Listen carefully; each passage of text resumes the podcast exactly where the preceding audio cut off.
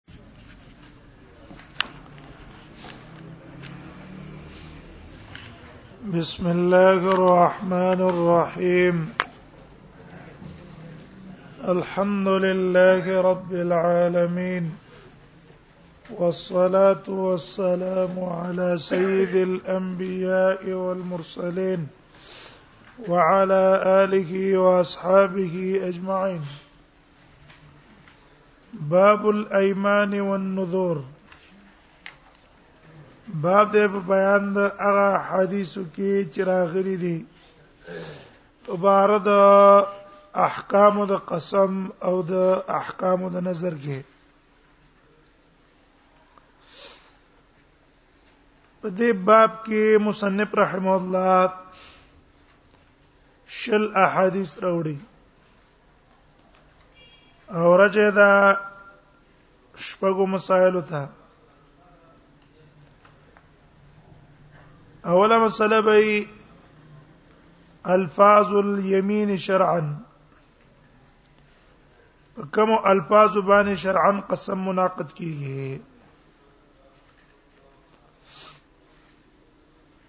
دویم به النهي عن اليمين عن الحلف بغير الله الله نه بغیر د بل چا په نوم باندې قسم کول ممنوع دی ناروا ده دا بیان کی دریا مسله به ذکر کی حکم الحلف الكاذب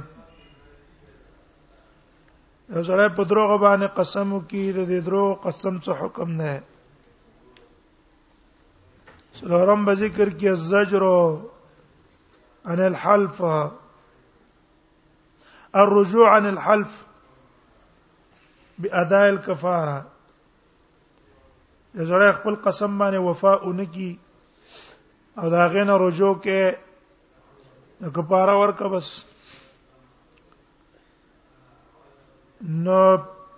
پنځمه مسله بیان کړي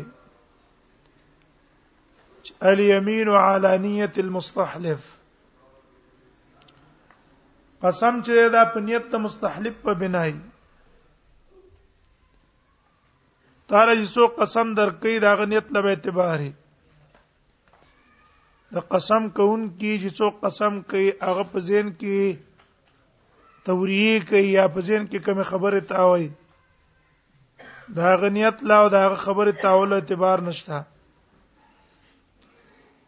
بلکې نیت ته مستحلف له اعتباري چې هغه تعالی په کومه اراده باندې قسم درکړي شپږم مسله به ذکر کی بیان یمین اللغوه چې دا یمین لغوا دې کې نه کفارشت نه پکې ګناشت او دا غي بیان مو کی چې دا یمین لغوا کوم صورت ده ایمان جمع دی یمین ده یمین په لغت کې قوت ته ویل کیږي به دې خلاص ته یمین زکوای چې په دې کې قوت ډېر دی په نسبت د چپ لاس دې کې قوت ډېری په نسبت د چپ لاس څخه کوته مين وای هغه به دې قسم ته یمین ویل شو د دې قسم نه تعبیر په یمین باندې کیږي ولی وجدا وجدا عرب عادت دا او د عام انسانانو عادت دا ده چې اذا تحالفوا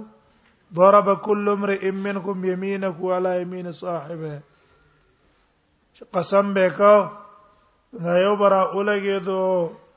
خپل خلاص په دا غبل سړی په خلاص کې کې خوستلو وخت قسم کې دیو جن دینه تعبیر په یمین باندې وکړې شو نو باب الايمان باب د بیان د ايمانو کې نذور باندې بیا مستقل خپل باب راوړي اول ته معنا او کو چیر په لغت کې څه ته وایي خدلته د یمین ستوانه یو ځای کړه وجه دا ده چې دواړه قسم او یمینا دا اصل کې په حکم کې برابر دي څنګه چې نظر باندې وفا اونکړه کفاره د قسم باور کې دغه په یمین چې وفا اونکې کفاره باور کې دغه څه چې په نظر دی وفا اونکړه قسم باور کې دغه کفاره باور کې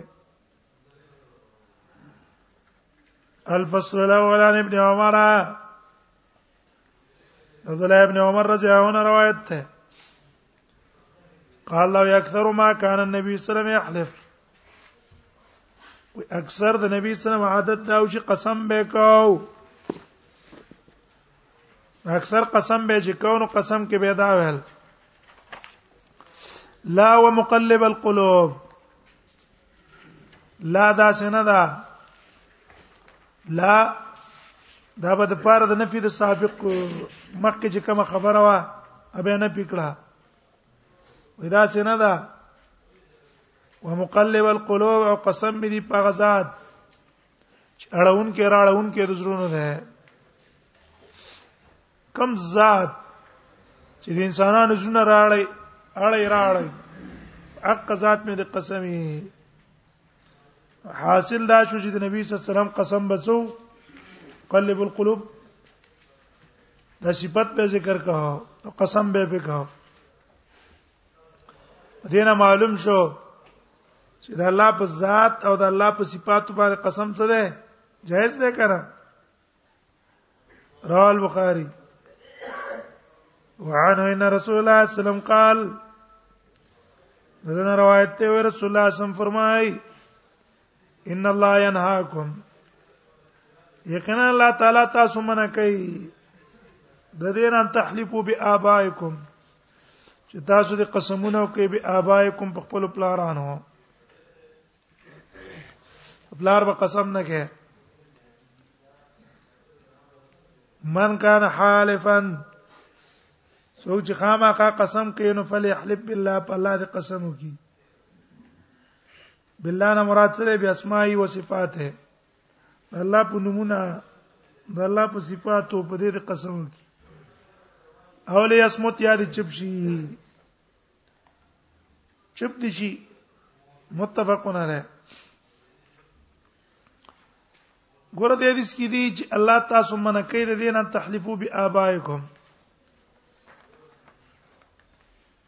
چې په پلارانو باندې سړی قسم وکي حدیث صریح دی په دې کې چې په پلار قسم کول ناروا دي او په دې باندې د اشکال لازم چې ګوره دلته نبی صلی الله علیه وسلم د قسم نه منع کړي او په خپل نبی صلی الله علیه وسلم په پلار باندې قسم کړی دی په حدیث د مسلم کې کوم چې حدیث د اعرابي ده چې د نبی صلی الله علیه وسلم نه تاسو کړو بار د امور د ایمان کې بیا د څه ویل قسم په الله نو په دې زیادت کوم نه بنقص نقصان کوم نبی صلی الله علیه وسلم د څه ویل افلح و ابيه ان صدق افلح و ابيه ان صدق شکایت کوم دا حدیث ته دغه څه ابو داود هم راوړل غور نبی صلی الله علیه وسلم چې قسم وکړو په پلار د چا باندې چی او دلته نبی صلی الله علیه وسلم نه کړی دا نو څنګه رسول الله صلی الله علیه وسلم ارتکاب دې نه یوغو اشکال له دې اشکال نه یو علماو جواب کړه یو جواب ابن عبد البر صاحب کړه ہے هغه وی دی حدیث کې چې افلح او ابي کوم جمله راغله وې د دې په صحت کې علماو کلام کړه ہے وې دا جمله په حدیث کې صحیح نه ده افلح و ابيه دا لفظ د افلح وابي دا جمله صحیح نه ده زکا وې دا جمله پر روایت د اسماعیل ابن جعفر کې په دې لفظ دا افلح والله ان صدق افلح والله ان صدق خو معلومه شو دا چې دا د جعفر دا روایت صحیح ده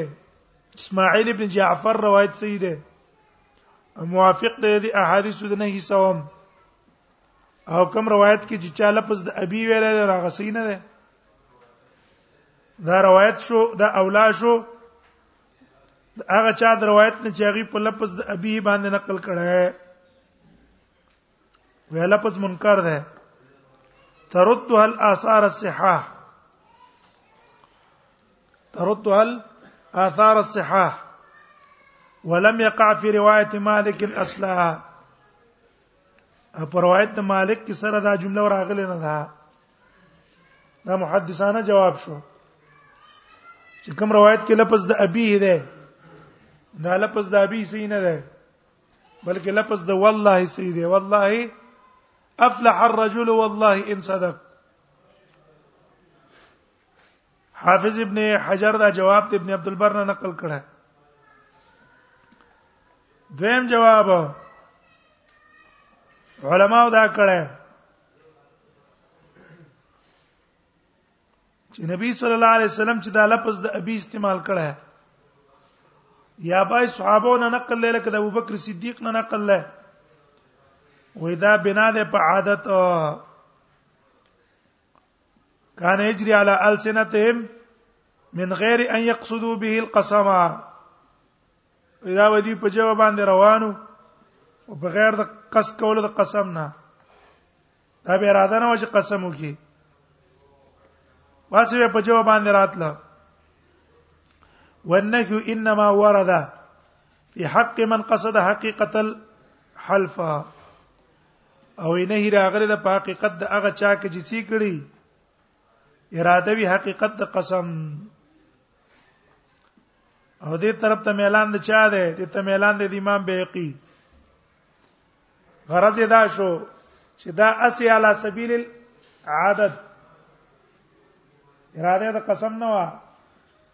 او منه په کوم صورت کې دا لا تحلفو بآبائکم چې پلار ذکر کې په نیت د قسم باندې دا رایا د امام بهقی دا او امام نووی دا قول غوړه کړه لیکن په دې باندې اعتراض دا ده چې ګوره عبد الله ابن عمر قس عمر ابن خطاب قسم کړی کنه عبد الله ابن عمر څه کړی عمر ابن خطاب څه کړی قسم یې کړی نو نبی صلی الله علیه وسلم هغه ته ویل ټیک شو هغه ابي ابي ویل او نبی سلام ته منع کو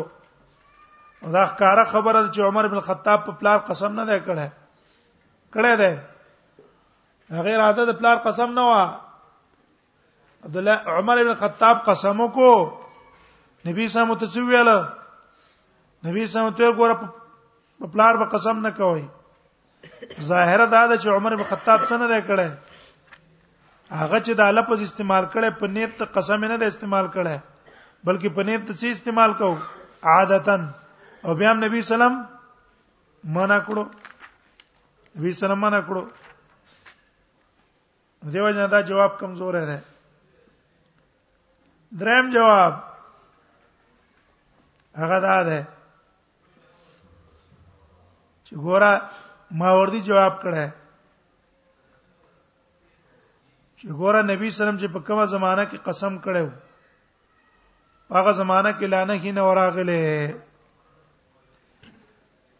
کم احادیثو کې چې د نبی سلام قسم راغله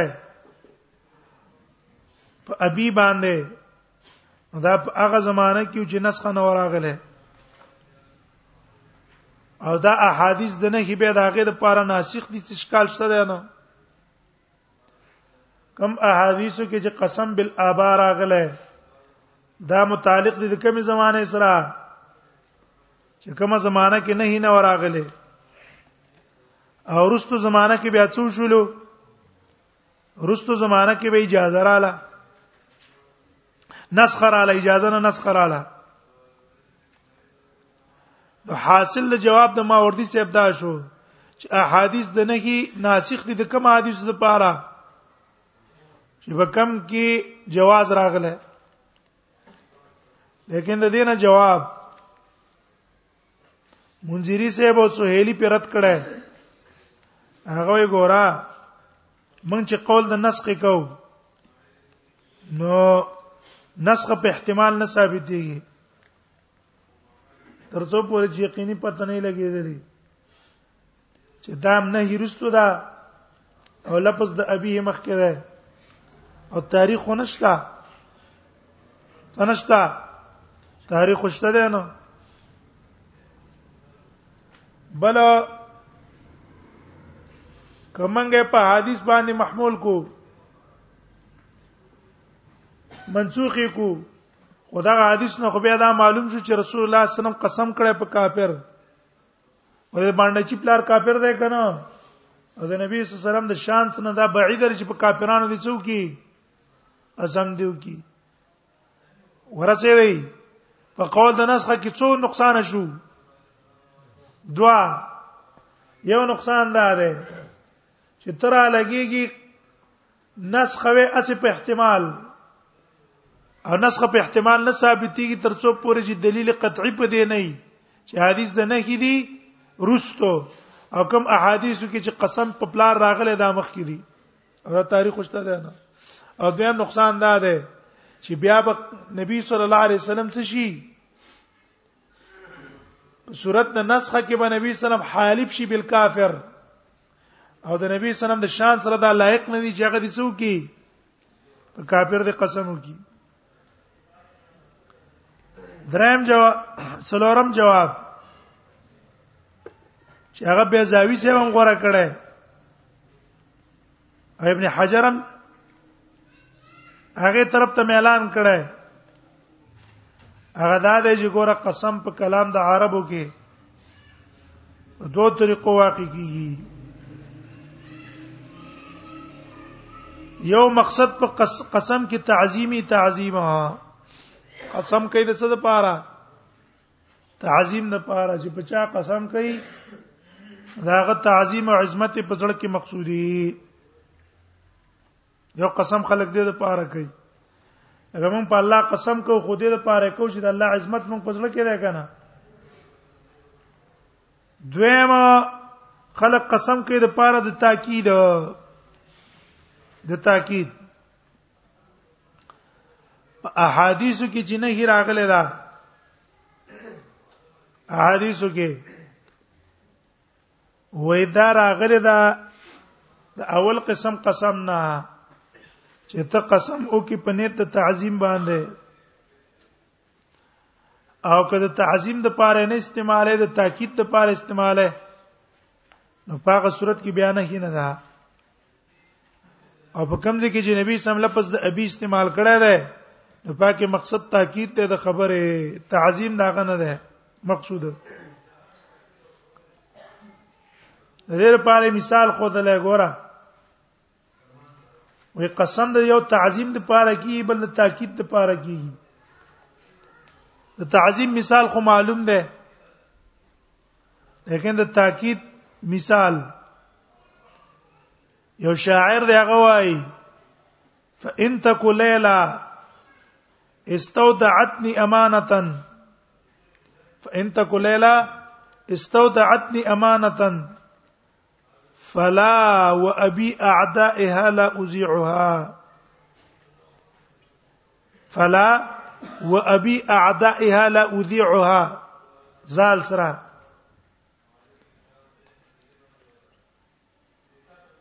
زعوی لکی نشر کول کنه راز خورول وی فان تک لیلا استودعتنی امانتا وی کله لیلا ما سره امانت دی خی یو پټه خبره فلا و ابي اعدائها دا سنه د قسم می دی په پلارانو د دشمنانو داغه لا اذيع هذا با خورو منه اوس ګوره دلته د قسم په چا کړه د دې دشمنانو په پلار باندې کړه د لیلا د دشمن د پلار تعظیم په ځړ کې څوک لري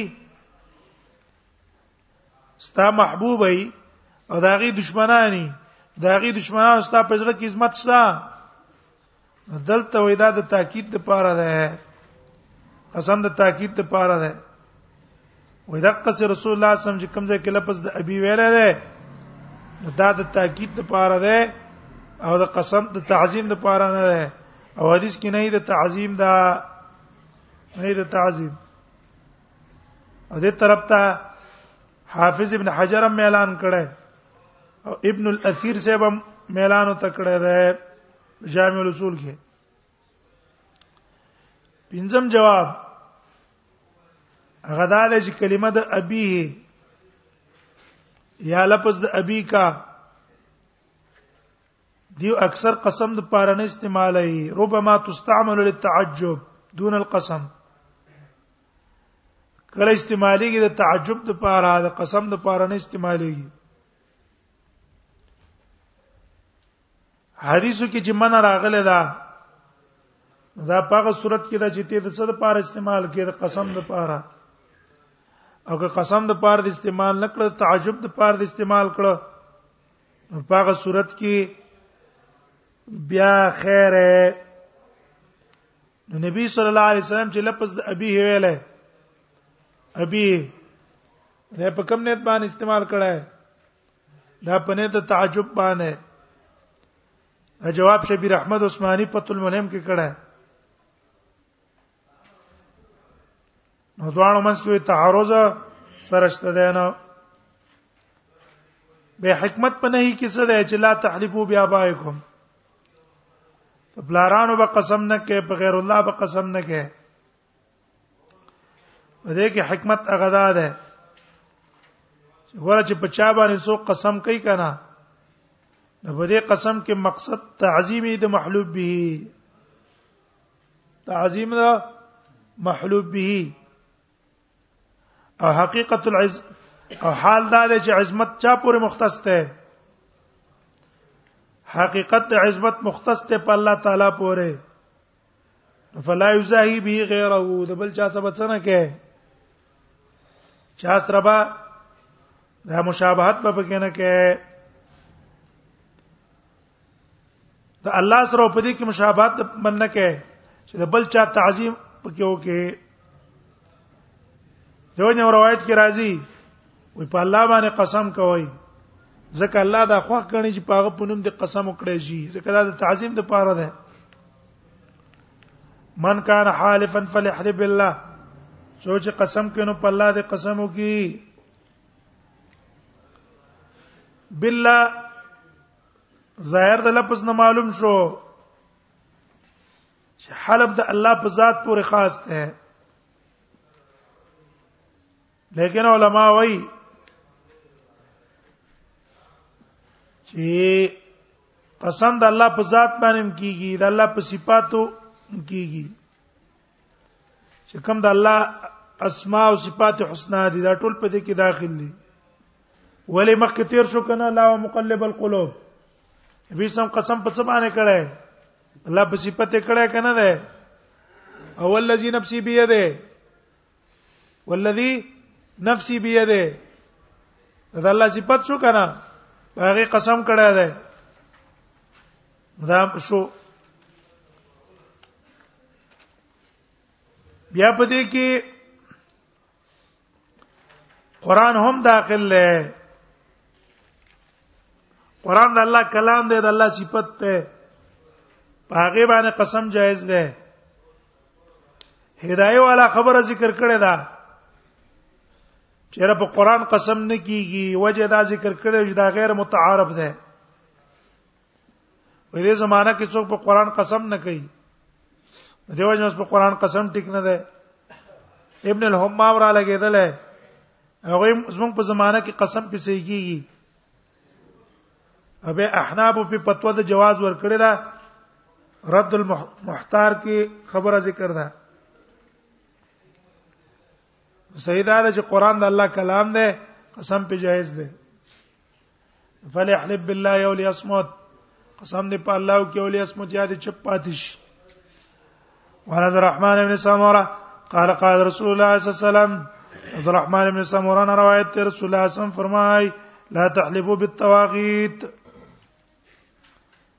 تاسو قسم مکوئ بالتواغي پس سرکشانو تواغی څه دي دا ټول معبودان زګه طاغوت چاته وي کل ما شغلک عن الله هر هغه شی چې تا د الله نه اړای د الله نه دی مشغولې دي تسوي لګيږي د طاغوت ویل کیږي طاغوت نو تاسو په چا باندې قسم نه کوئ طاغوت باندې لا تحلفوا بالطواغي تاسو قسم مکوئ په طواغیو ولا بآبائکم تاسو قسم مکوئ په پلارانو را مسلم وانا لا تو منات عزا پیرو کاکا په دې به قسمونه نه کوي دا ټول خلق منکې د الله نه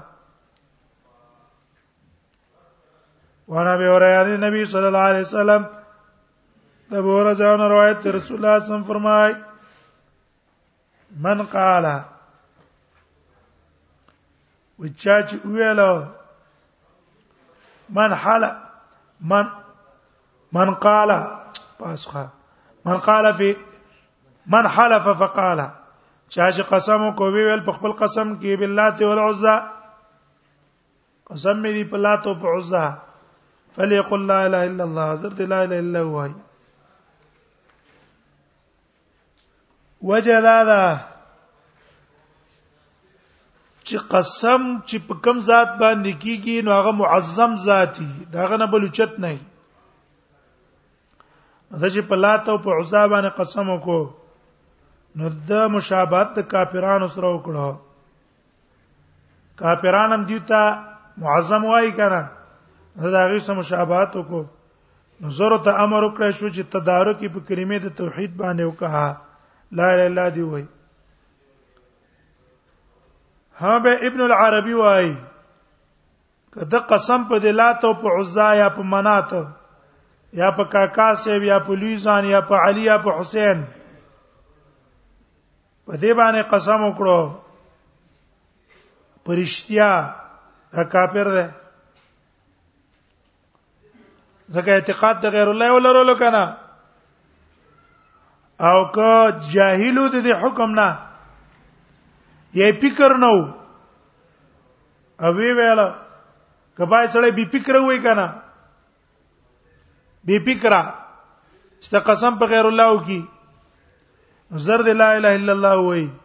نو دې لا اله الا الله سره به دا ګناه ده نه اورجیږي او به ته به دا غفلت نه یاداشت را یاد شي همدارنګه د حق باطل نه به حق طرف تلاړ شي او دا قسم به د دې شرک لغوه زرد لا اله الا هو ومن قال لصاحب او چا چې خپل مرګري ته ویاله تعال راشه او قامرک زسه جواری کوما ایو راځه جواری کو فلیتصدق صدقه دیو کی فلیتصدق سمانا ده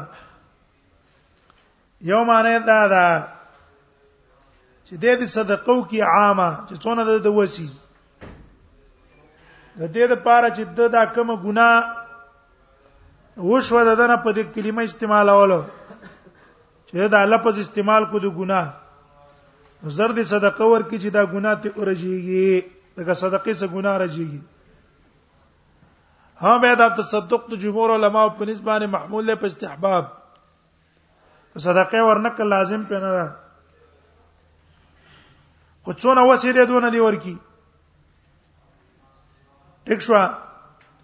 بیا نووي سی بوای سیدا دا چې لا يتعين له مقدار فيتصدق بما يتيسر له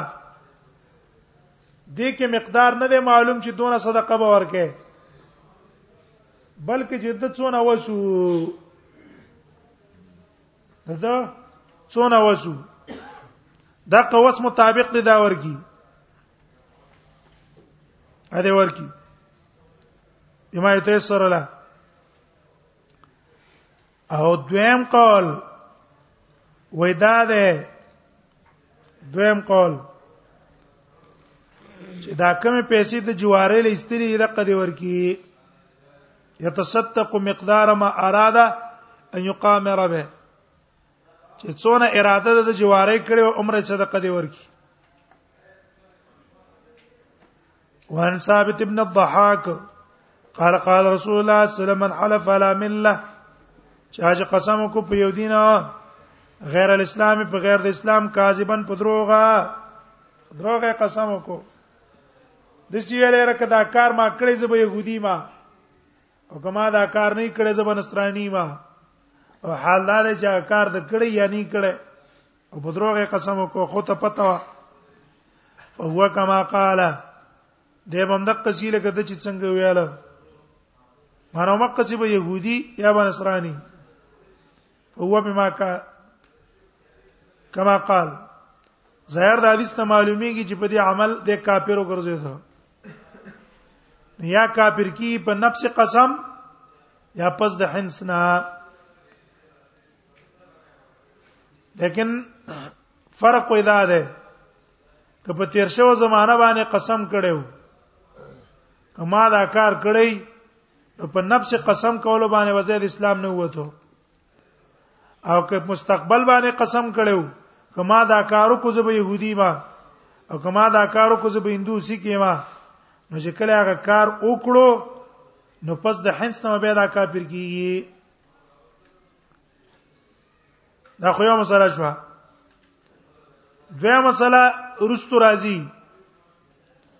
هغه دا چې آیا یو سړی قسم په اسلام نه بغیر په بل دینو کې مجرم خدای لیکن په دې باندې قسم واوختو کنه کباره په کشته کنه نو د جمهور علما مذهب دا ده چې په دې صورت کې په دې باندې کفاره شته کوم یمین مناقضه وو اې کما دا کارو کو زه به يهودي مې وسته کارو کو نو مجرم مجرم هم شو او څه به کوي کفاره به مور کوي او امام شافعي رحم الله وايي چې په دې صورت کې په د باندې څه نشتا په دې صورت کې په د باندې کفاره نشتا کفاره په نشتا دا د امام شافعي امام مالک قولم ده دې کې کفاره نه ولې وې د قسم د پاره د الله نوم او د الله صفت ته په ایمان او مشروعو کې دا داخل نشو دا مسله ان شاء الله رسو بیانېږي درم د علما اختلاف پدې کې ده چې ظاهر د حدیث ته خو معلومیږي چې دا کافر ده نو آیا په دې خبره باندې چې کړه د يهودیت او د نصرانیت تعظیم په ځړه کې نه او بس قسم یې وکړو نو په دې کافرو ګرځیدو یو قول د علماو دا ده چې دا محمول له په تهدید او په مبالغه فی الوعید دغه غرض حقیقتا کو پر نه ده بلکې مقصد یې څه ده تهدید او دمکی ورکول چې ګوره په دې به کافر شي لکه جمهور وایي چې ګور حدیث کې راځي من ترک الصلاه فقط کفر چا چې مونږ پرې خوستو کافر شو د جمهور علما قول دار چې تارک د صلات چې منکر ته نه وي عمدن تارک د صلات کافر نه دی کنه جمهور په نسبت باندې نو دک سي دا صورت هم ده او دویم قول دا ویل دویم قول دا ده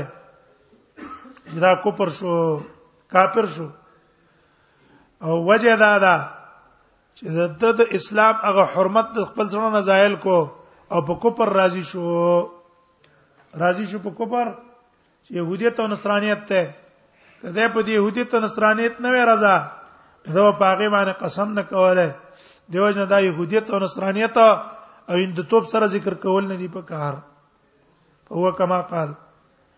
وليس على ابن ادم نظر فيما لا يملك انشتر په بني ادم باندې نظر وفا د نظر پاکه چې د مالک نه شستا په ملکیت کې نه ده او ته نظر وکې دې نظر پتا لازم نه ده نظر باندې وپاشتا استبار روانه یو غټه بنگله دی ولیدله تیر بس دا دا بنگله ما مدرسې ته وقف کړی دا د چا شی وقف کې پردې شی وقف کې پردې شی نه راکې پای پای نظر نه ومن قتل نفسه بشيء او چا چې ځان وجلو په څه شي په دنیا کې عذب به یوم القیامه د تب عذاب ورکی پاغي پورز د قیامت په چاړه دي ځان و مړ دی کو د قیامت پورز باندې دقه سي په چاړه ځان وې ور دي په ځان واړو او ودي سي زلو په ځان نه مړ کو قیامت پورز باندې قصه زل کیږي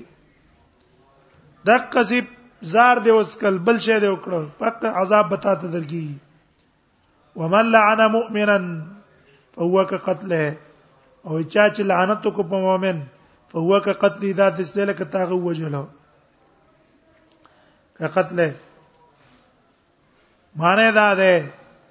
لکه د مؤمن وجل چې څنګه ګناه ده دقه سی لعنت کول په مؤمن څه دي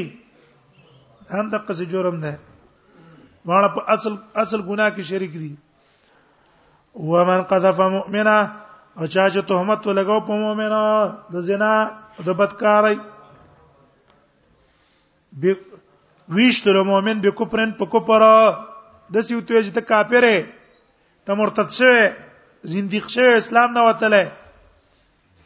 فهو که قتل دا د سیده لکه وجل داغه ولدا زنديق توبه او مرتد کېدل سبب د قتل دی کنه سړی مرتد شي د اسلام نه اوزي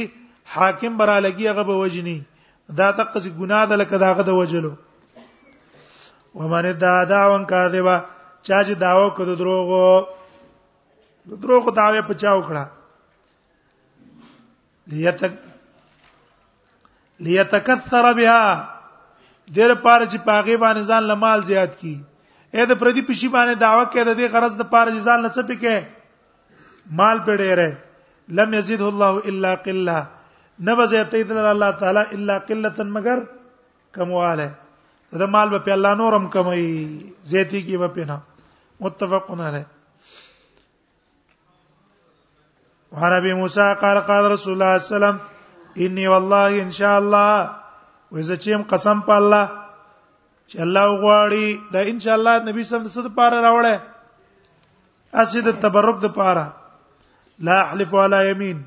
ز قسم نکوم علی یمین په یو قسم فارا غیرها او زوینم غیر دا غینه خیرم غره من دا غینه الا کفرت یمینی مگر زه کومه ځکه په کفاره کوم د خپل قسم نه واتیت الذی هو خیر او راتل بكم آکار ته چا غره ده مسله خدا ده چې تا د یو شي نه قسم کو چې دا بزنه کوم او دغه په کولو کې خیری نو دا قسم باندې وفا نه کوي